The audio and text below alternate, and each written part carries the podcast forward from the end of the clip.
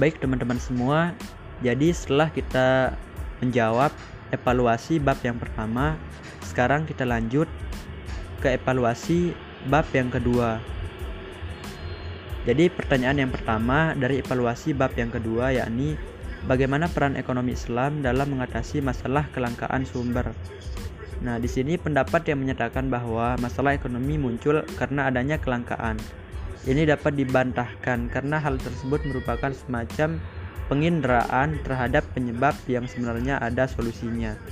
Jika semua ekonomi beranggapan bahwa kelangkaan adalah masalah utama yang berhubungan dengan pakar manusia di muka bumi ini, maka solusi yang akan mendorong peningkatan produksi besar-besaran oleh suatu negara dalam ekonomi dan mengurangi konsentrasi pada distribusi.